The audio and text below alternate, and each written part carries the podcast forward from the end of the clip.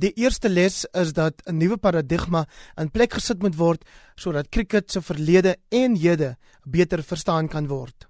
So mense het baie soort van romantiese beeld van cricket se verlede, game of fair play and gentlemen soort van ding, maar as mens dit in die koloniale en apartheid soort van konteks plaas, sien jy heeltemal 'n ander storie van uitsluiting en potensiaal wat teruggehou word en so aan. En, en daai paradigma is belangrik om te verstaan. Jy kan nie net op 'n naïewe manier praat oor sport as ons besig is om te beweeg na 'n nuwe soort van uh, toekoms nie. Ons kan nie net 'n paar ekstra swart gesigte in 'n storie sit wat eintlik wit is en eksklusief is wat 'n beeld is van daai verlede nie. Ook vroue moet toenemend in die hoofstroom van cricketgeskiedenis opgeteken word. Dit is 50% van ons land. Um, en vrouens jy weet was van die begin van cricket en ander sporte daar as deel van die hele sosiale opset. En as dit as mens begin soek vir hulle teenwoordigheid in die bronne kom baie interessante dinge uh, uit. So you've got to take women out of the gender ghetto. It's just as important as the racial exclusions to rectify Hoewel hy nie gereken het dat dit moontlik is toe hy en sy mede-redakteurs aan 'n reeks oor 'n nuwe geskiedenis van Suid-Afrikaanse kriket begin skryf het nie, is twee bykomende boeke in die reeks pas voltooi. Ons kan dit nie glo nie, maar in kriket was dan 11 nasionale Suid-Afrikaanse kriket organisasies.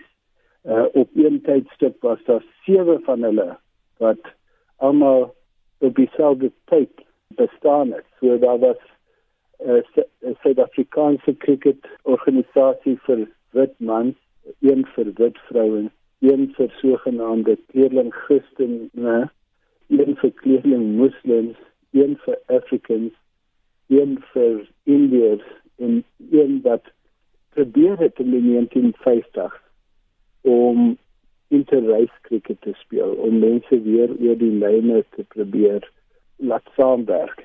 Die vyfde uitdaging nou is om ook die statistiese geskiedenis van Suid-Afrikaanse cricket hersaam te stel.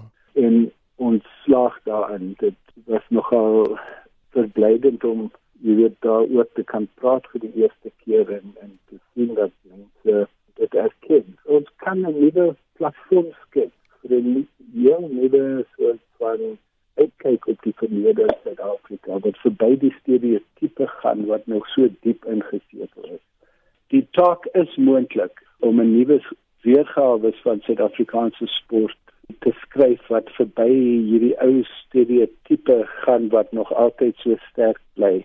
Die grootste taak behoort ander wyser te laat.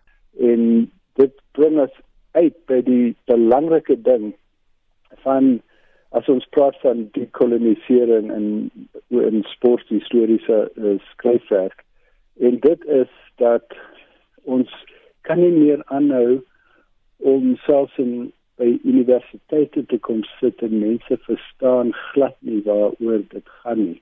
Hulle weet nie van daai ehm um, verlede nie en en die gevolg is dat ons net die you know we reproduce the ignorance of the past even at the level where we're supposed to be leading in terms of academic and under, other understandings. So dit vir my weer uitgekom. Die mense wat in die koerantwese is, wat in die media is, wat akademici is, weet eintlik nog nie van hierdie geskiedenis van uitsluiting, die detail van wat swart sportmense gedoen het in die verlede nie. En dit you know we said therefore we need to disrupt these sort of comfortable narratives.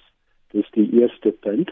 Tweedens moet ons die debat moet moenie net in 'n klein kamer in 'n museum gebeur waar dieselfde mense praat nie, maar dat dit in die hoofstroom van debat moet inbring in sport en dan derdens moet daar aksie wees. En vir my was hierdie konferensie baie positiewe stap vorentoe.